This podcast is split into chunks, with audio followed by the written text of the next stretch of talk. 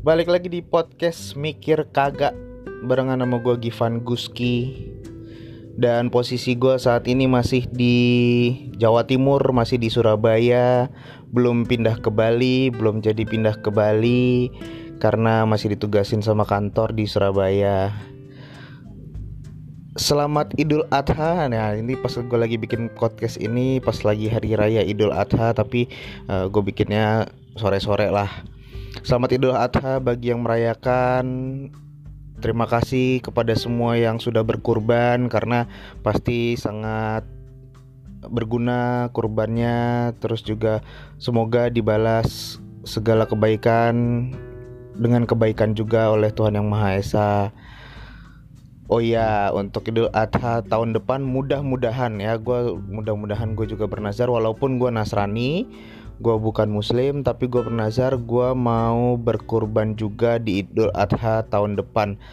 Kalau bisanya kambing ya kambing. Kalau bisanya ternyata bisa sapi ya gue akan berkurban sapi. Dan itu udah bener-bener gue uh, tetapin dalam diri gue bahwa di Idul Adha tahun depan gue harus ikutan berkurban gitu.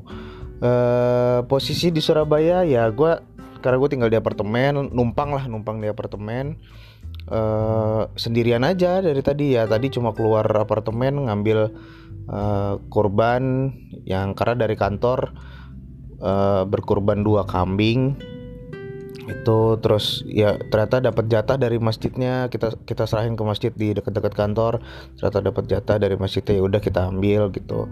Sebenarnya kita tidak mengharapkan kita kita dari perusahaan tidak mengharapkan bahwa itu uh, dikembalikan lagi dalam bentuk daging gitu. Tapi ternyata sudah disediakan oleh panitia kurban di masjid tempat kita naruh kambingnya. Jadi tadi gue ambil uh, kambingnya daging kambingnya ke sana. Ternyata dikasih satu kantong. Ya lumayan buat uh, sop lah.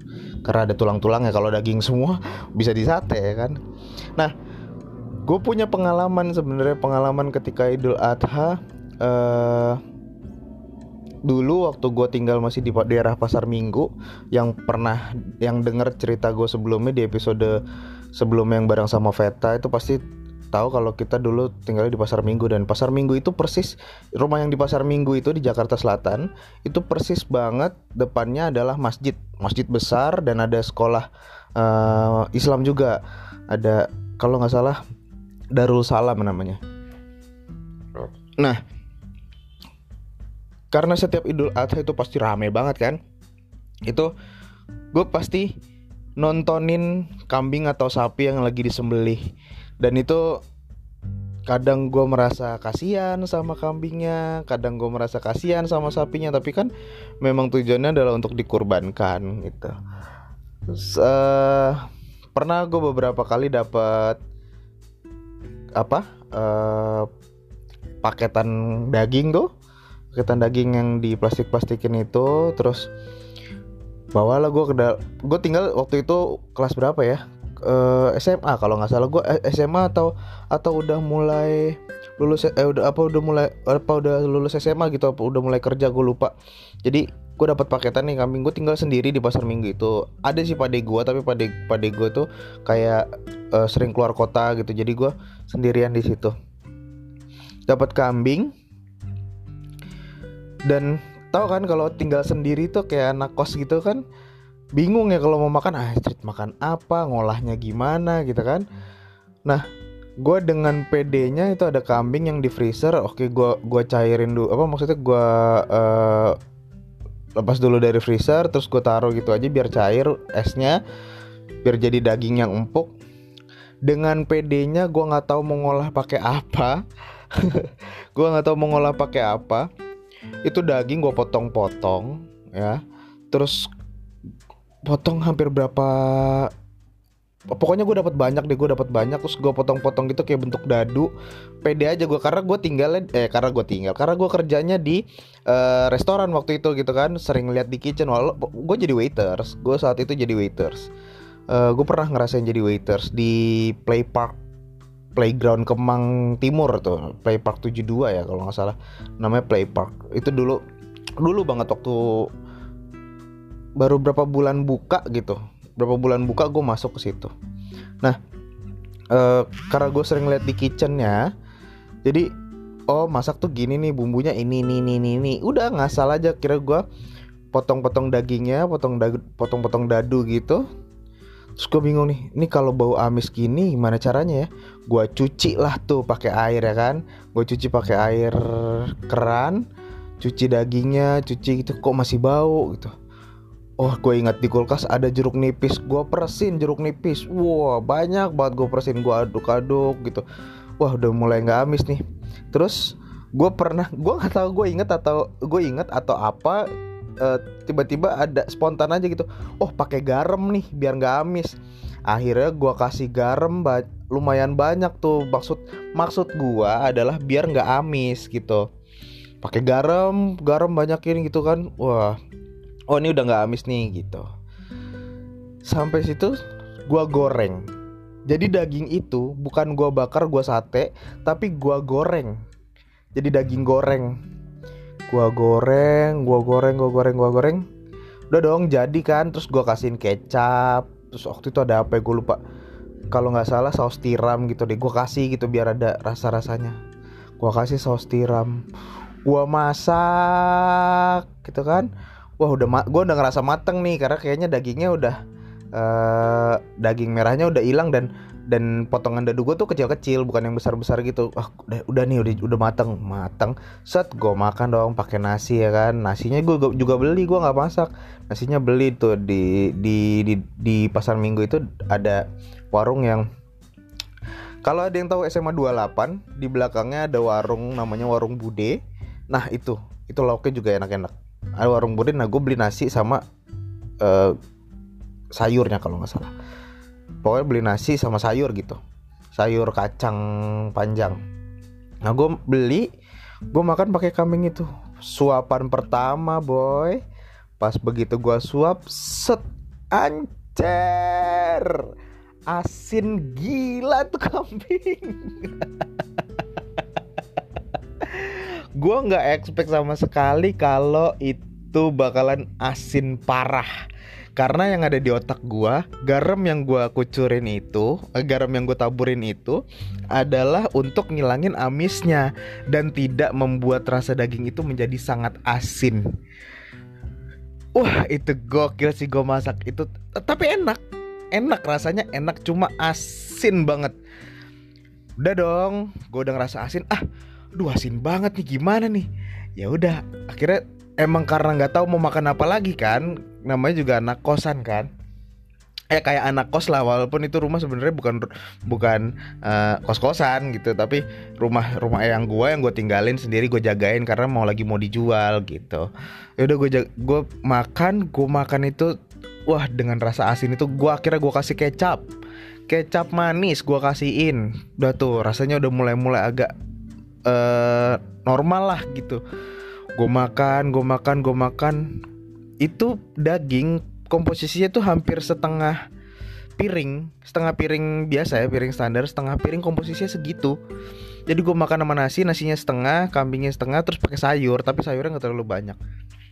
Itu gue makan gue makan gue makan. Eh sejam setelah makan pusing kepala gue dan dari situ gue baru tahu kalau gue punya darah tinggi. Karena pola makan gue ternyata nggak terlalu benar. Terus juga waktu itu gue udah mulai jarang olahraga karena gue olahraga aktif sampai SMA terakhir.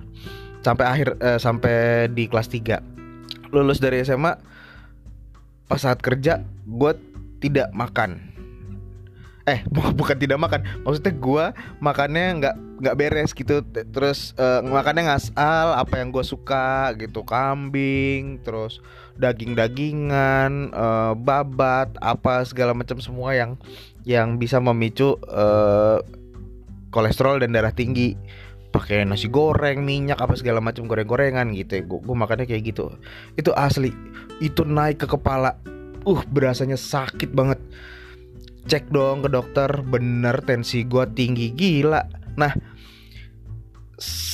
itu cek ke dokter. Nah ini gue ceritain cek ke dokternya ya. Jadi setelah gue makan kambing itu beberapa hari kemudian gue dikabarin adik gua yang paling kecil jadi gue bertiga tiga bersaudara gua adik gue yang cewek terus adik gue yang cowok. Nah adik gue yang paling kecil yang cowok itu masuk ke rumah sakit dirawat di rumah sakit karena mereka tinggal karena nyokap adik gue yang kedua sama adik gue yang ketiga tuh tinggalnya di Bogor. Jadi adik gue yang ketiga ini dirawat di uh, rumah sakit daerah aduh Cibinong tapi masih ke sana Citerep kalau nggak salah. Kalau nggak salah daerah Citerep. Oh rumah sakit apa gitu. Nah gue dikabarin karena menyokap gue mas ada sakit gini gini, gini. tuh otomatis dong otomatis gue kan langsung gitu nyusul ke sana dan gue itu naik motor. Naik motor dari Jakarta sampai ke sana. Begitu nyampe di sana itu gue lemes banget pusing gitu. Nyokap gue bilang kamu kenapa? gitu. Nggak tahu nih pusing banget lemes banget gitu terus ada suster yang lagi tensi adik gue kan kalau di rumah sakit pasti di tensi tuh. Nah kebetulan sore itu ada suster yang tensi gue tensi dong. Kalau nggak salah nih 140 per 100 tekanan darah gue uh men itu rasanya cenut cenut cenut cenut. Akhirnya gue disuruh pulang sama nyokap gue ke rumah nyok ke rumah nyokap gue yang di Bogor. Gue pulang gue tidur. Dah tuh gue uh, nyokap gue eh nggak tau nyokap atau atau gue browsing browsing pokoknya gue nyari jus melon jus belimbing sama makan timun kalau nggak salah. Itu biar biar darah tinggi biar darah tinggi gue uh, turun. Dan itu sampai sekarang gue lakukan ketika gue mulai ngerasa kolesterol atau darah tinggi. Jadi gue cari jus melon jus belimbing tanpa gula tanpa susu. Itu yang selalu gue cari. Nah itu gokil sih men. Asli itu gokil. Tensinya tinggi. Nah itu cerita dari setelah Idul Adha tentang kesehatan gue ada lagi cerita gue pernah waktu itu tinggal di daerah uh, Kebalen kebon eh ke, Kebayoran Baru deket Blok S itu Kebalen itu gue udah tinggal sama nyokap gue jadi kan uh, waktu gue habis lulus SMA gue tinggal sendiri di pasar minggu kerja. Nyokap gue masih di Bogor nyokap sama adik gue masih di Bogor. Terus begitu gue mau begitu gue kecabut dari play park gue mau masuk ke gue jadi gue pernah kerja di Kidzania gue mau masuk ke Kidzania. Nah eh bahkan gue mau kuliah waktu itu tapi nyokap gue memutuskan untuk pindah ke Jakarta jadi gue nggak jadi kuliah biayanya untuk uh, adik-adik gue pindah ke Jakarta untuk masuk ke sekolah baru gitu adik gue yang kedua masuk ke Tarakanita Pulau Raya adik gue yang ketiga itu masuk ke Tarakanita Tendean gitu nah gue kerja akhirnya di Kidzania di Pacific Place SCBD situ. Nah, tinggal di Kebalen. Itu rumah gue itu uh, dua tingkat tapi tingkat yang atas tuh kecil aja gitu kayak mungkin kalau kalau orang bilang ada kamar tapi untuk kamar PRT gitu sama buat uh, kayak ruangan buat jemuran gitu terus ada balkonnya sedikit. Nah karena gue orang yang suka menyendiri gitu ya dan gue gue suka suka banget eh, nggak uh, tahu ya karena gue kayak kayak butuh privacy gitu kadang kadang gue butuh privacy yang bukan kadang sih memang selalu butuh privacy yang gue suka menyendiri di kamar lama gitu. Terus nggak ngapa-ngapain mainan handphone gitu. Nggak baca buku karena gue nggak suka baca buku. Nggak uh, mainan handphone gitu atau tidur gitu. Nah gue pakai kamar yang di atas itu yang kamar buat PRT itu. Gue lebih nyaman di sana. Oh banyak banyak cerita deh kejadian di kamar itu ada yang gua ngeliat toke lah. Toke bro. Depan depan pintu begitu gue buka pintu langsung ada toke. Toke gede. Aduh gedenya se setang se dari ujung jari tengah sampai ke uh, pertengahan lengan tau kan? Antara sikut sama pergelangan itu. Itu sampai segitu segitu besarnya. Nempel di depan pintu di, di, di seberangnya pintu. Warnanya hijau. Kukunya tuh merah. Jadi persis banget sama kayak boneka toke. Kalau lu pernah lihat mainan-mainan toke yang dari karet tuh yang bisa di kalau dipencet bunyi ngeok ngeok gitu. Tahu kan? Nah itu toke itu ada di depan gua. Wah itu gua wadaw toke nih. Kalau digigit nunggu petir gitu. Kalau digigit biar lepas tunggu petir kan? Biar dia kaget dulu. Itu kalau gigit katanya kan nggak susah lepasnya. Ada toke di situ. Nah gue tinggal di situ. Set abis idul adha pernah juga kejadian abis Idul Adha gue dapat lagi nih di rumah gue dapat dapat uh, paketan kambing juga gitu. Dibagiin dari RT-nya memang satu RT itu dibagi semua rumah. Mau Nasrani mau uh, Muslim memang dibagikan gitu untuk RT itu. Gue dapet gitu. Nyokap gue tuh nggak nggak terlalu suka. Kambing tuh nyokap gue nggak terlalu suka. Adik-adik gue juga nggak terlalu suka sebetulnya. Jadi ya udah daripada nggak ada yang ngolah gitu gue olah sendirilah dengan dengan pengetahuan dan kesotoyan gue aja gitu. Gue waktu itu gue punya tusuk sate. Jadi terus ada bakaran di atas. Jadi gue bikin sate dari daging-daging itu.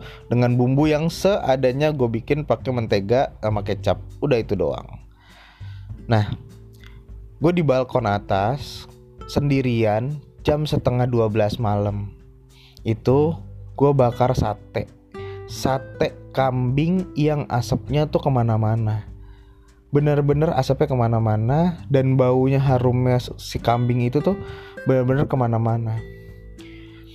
Saat itu gue lupa kalau ada yang namanya mitos. Gue nggak tahu ini mitos atau fakta.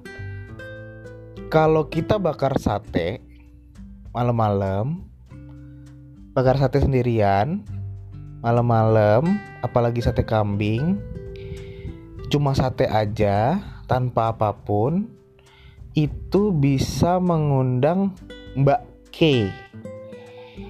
Tahu ya Mbak K ya? Kun kun itu loh, ya. Katanya mengundang itu.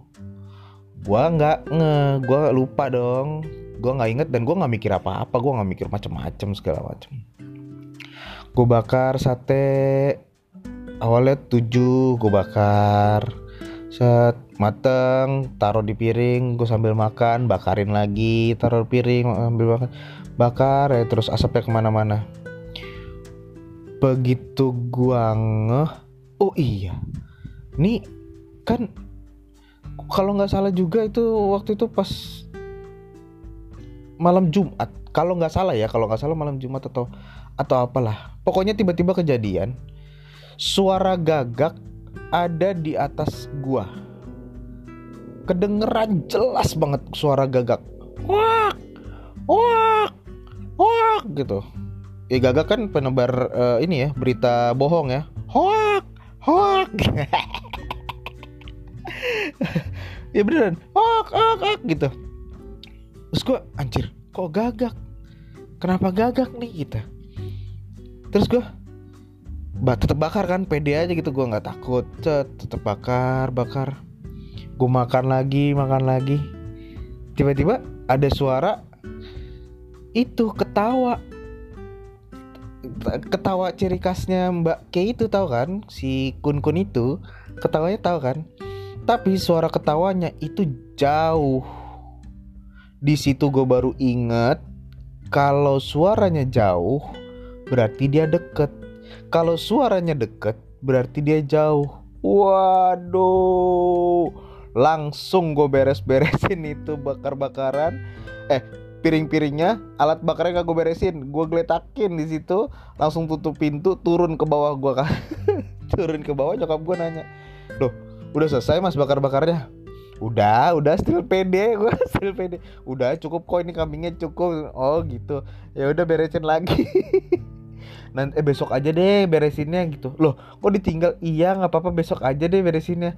Kamu tidur di mana? Tidur depan TV ya depan TV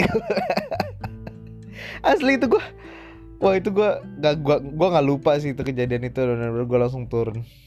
Kacau sih memang. Asli gue beberapa kali Idul Adha memang makan kambing karena memang dapatnya juga lumayan lumayan banyak kan. Satu satu kresek itu lumayan banyak kan. Dan men, dan gua orangnya adalah mubazir kalau itu tidak habis langsung gitu loh. Jadi sesuatu yang gak habis langsung tuh kayak kayak mubazir gitu. Jadi udah gue pengennya gue habisin aja gitu. Tapi nggak inget kesehatan nggak inget nggak inget apa apa tekanan darah tinggi gue eh, tensi tinggi gitu. Terus sampai gue kolesterol itu kadang-kadang gue ngalamin sendiri. Sekarang gue udah mulai pakai obat tapi jarang. Masih sesekali aja gue pakai obat karena gue tahu tapi gue sekarang udah tahu kalau gue udah mulai uh, perasaan badan gak enak gue langsung stop. Stop makan daging stop makan yang bahan-bahan kolesterol. Gue pasti akan uh, milih sayur gue akan milih buah. Karena gue olahraga sekarang udah jarang tapi uh, makan makanannya masih jorok lah istilahnya gitu kan. Masih jorok. Apalagi sekarang jauh apalagi sekarang jauh dari istri jadi gue nggak bisa request masakan apa gitu di rumah pun sebenarnya istri kalau masak istri tuh masakannya enak banget banget enaknya enak banget. Jadi kalau istri mau lagi mau masak jadi istri gue tuh pengen pengenan kalau masak. Pengen aja gitu pengen masak apa ya dia beli bahannya dia masak ya gue gue tinggal makan dia beli bahannya gue dia masak. Sampai akhirnya sekarang kan jualan uh, jualan juga jualan lauk gitu. Kalau ada yang mau beli lauk lauknya istri gue bisa cek di Instagram at olgi shop at o l g i dot titik s h o p O L G I titik S H O P Olgi Shop. Jadi dicek aja di sana. Jualannya istri gue itu makanannya enak banget. Enak banget bener-bener enak banget. Jadi gue kalau makan di rumah ya juga kadang suka nggak mikir gitu ya apa yang dimasak sama istri gue ya gue makan. Gue makan terus gitu. Jadi eh, kadang suka nggak ngejaga juga. Nah sekarang karena gue jauh dari istri, gue sekarang eh, suka milih-milih juga makanan apa yang harus gue makan karena gue harus ngejaga ini jangan sampai gue kenapa-napa di uh, kota orang bahkan sempat waktu di Bali gue sempat sakit tapi untungnya bukan karena kolesterol tapi gue sakit karena infeksi di lambung. Karena makanan Bali ada sambal ada nama makanannya uh, gue lupa apa namanya. Tempong tempong nasi tempong. Nah nasi tempong itu sambalnya pedes banget. Itu gue uh, sakit perut tiba-tiba sakit meriang tapi nggak demam. Pokoknya ngilu badannya semuanya. Nah itu ternyata ada infeksi di lambung gitu. Nah apa ya? Apalagi pengalaman gue idul adha pengalaman gue idul adha eh uh, gue belum pernah jadi panitia kurban. Karena gue yang gue tahu teman-teman gue yang lain yang nasrani yang tinggal di komplek atau mungkin tinggal di daerah daerah-daerah lain itu pernah pasti ikutan jadi panitia kurban motong-motongin kambing. Gue belum pernah motong hewan hid dari hidup sampai mati gue belum pernah. Jadi gue belum pernah ngerasain motong ayam motong kambing motong sapi belum pernah gue jadi uh, apa ya nggak tega gitu gue asli nggak tega gue untuk motong-motong kayak ngebunuh gitu. Tapi sebenarnya kan bukan bunuh ya apa ya? Ya ngebunuh ya bener ya. Jadi nggak tega. Jadi gue benar-benar pengalaman di saat Idul Adha ya itu sih yang paling gue inget uh, dua dua dua pengalaman itu ketika gue dapat paketan kambing itu. Uh, pernah gue ngeliat juga sapi yang mau dipotong jatuh gitu tuh udah pasti udah sering banget. Terus gue belum pernah lihat sapi yang kabur tapi gue beberapa kali lihat beberapa hari ini lihat di Instagram pasti banyak banget tuh sapi yang kabur. Dan itu lucu loh kemarin pas gue lihat itu bener-bener lucu banget sapinya. Kabur. Ada yang kabur nabrak motor. Wah itu kacau sih nabrak motor. Terus kayak kayak banteng matador yang di Spanyol atau di Meksiko itu loh. Yang diganggang gitu ngejarin orang. Kayak gitu tuh. Persis bener-bener digang terus kayak ngejarin orang itu. Sap eh sapi apa? Kerbau. Sapi sapi. Bener sapi. Sapinya kabur gitu. Terus ada lagi yang viral kok sapinya masuk ke kafe. Jadi dia masuk masuk ke pintu buka pintunya sendiri dia dorong masuk. Itu kafenya bentuknya kayak letter L gitu. Masuk dia belok belok lagi nyampe di kasir. Sampai di kasir orang-orang pada ketakutan kan tuh. Terus dia muter balik dia keluar. Udah ngecek kayak ngecek doang gitu gak gitu kayak kayak kayak dia tuh oh ini kafe nih minum ah gitu. Terus masuk set. Ah menunya apa ya? Nggak ada yang cocok cabut ah. Gitu anjir. Itu kocak sih. Terus ada lagi yang uh, kabur sampai rel kereta api. Mau ditangkap nggak bisa bisa karena sapinya bukan sapi yang gemuk tapi sapi yang tangkas gitu loh yang yang yang badannya tuh uh, kurus gitu. Terus yang larinya bisa cepat ke mana-mana itu lucu sih ya pasti teman-teman yang lain yang yang dengerin ini yang menjadi panitia kurban yang berkurban pasti yang tinggal di eh, komplek atau tinggal di ganggang gitu pasti punya banyak pengalaman.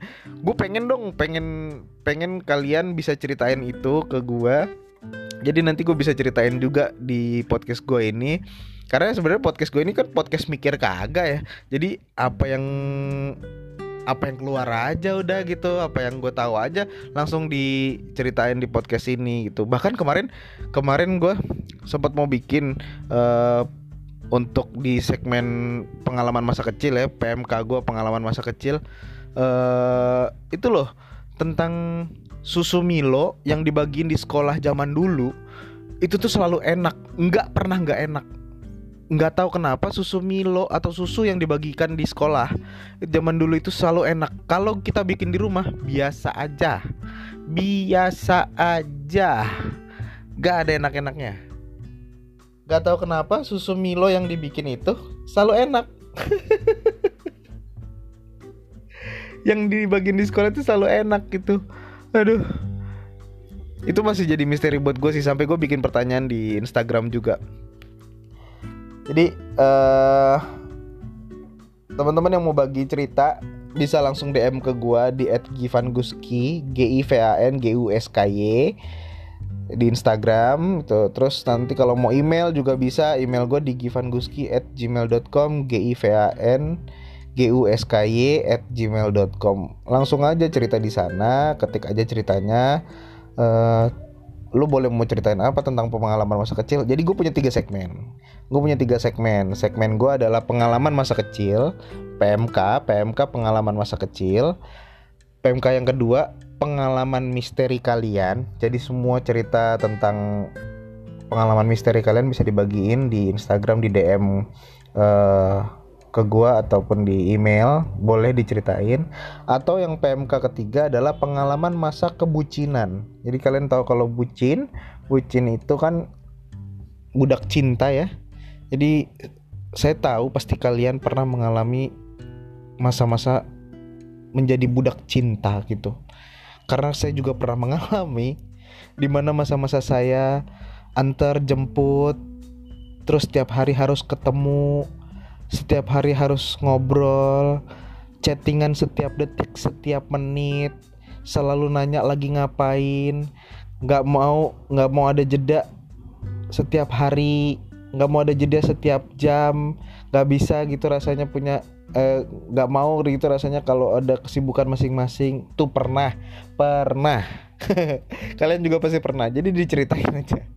Kalau gua tidak akan mungkin untuk menceritakan itu di dalam podcast gua karena uh, ya satu dan lain hal ya gitu. Jadi uh, kalian bisa ceritain itu gue akan ceritain di podcast kalian. Eh di podcast kalian di podcast gue maksudnya. Jadi gue akan ceritain di podcast gue bahkan kalian yang mau diajak kolaborasi silahkan. Sekarang posisi gue ada di Surabaya kalian bisa DM kalau ada yang posisinya di Surabaya kalian bisa DM ke gue uh, Kak Givan atau Bang, gue di Surabaya nih, ayo dong kolaborasi sama gue, gue mau masuk di podcast lo, gue mau banyak cerita. Uh, DM aja nggak apa-apa, nanti gue coba coba samperin yang ada di Surabaya. Kalau yang ada di Jakarta, nanti akan gue kabarin kapan gue di Jakarta. Kalau ada yang di uh, mana? Di Bali, gue akan kabarin gue akan di Bali. Atau kalian bisa rekam suara kalian pakai uh, perekam suara yang ada di handphone. Terus kalian kirim ke DM atau ke WhatsApp gue DM gue aja dulu di Givan Guski at Givan Guski. Nanti gue kasih nomor WhatsAppnya. Kalian kirim uh, rekaman kalian terus nanti akan gue masukin di dalam podcast ini. Gitu ya. Jadi sukses terus buat kalian teruslah berkarya. Gue juga pengen terus berkarya. Gue selalu berdoa apa yang uh, gue pengenin bisa terwujud dengan segala cara. Karena gue yakin apa yang gue inginkan itu pasti akan ada waktunya diwujudin sama sama Tuhan yang Maha Esa. Karena setiap keinginan kita itu adalah doa dari kita. Setiap keinginan yang positif juga pasti adalah doa positif dari kita. Yang pasti bisa diwujudin tapi entah kapan. Karena waktunya adalah milik Tuhan. Oke teman-teman. Terima kasih. Sekali lagi selamat Idul Adha. Merayakan Idul Adha 1440 ya kalau nggak salah. 1440 Semoga apa yang dilakukan di Idul Adha kali ini menjadi berkah dan berkat buat orang banyak dan kalian juga mendapatkan segala yang terbaik dari apa yang kalian lakukan. Tetap berpikir positif dan selalu berpegang teguh kepada iman dan kepercayaan kalian. Terima kasih, selamat malam, sampai jumpa lagi.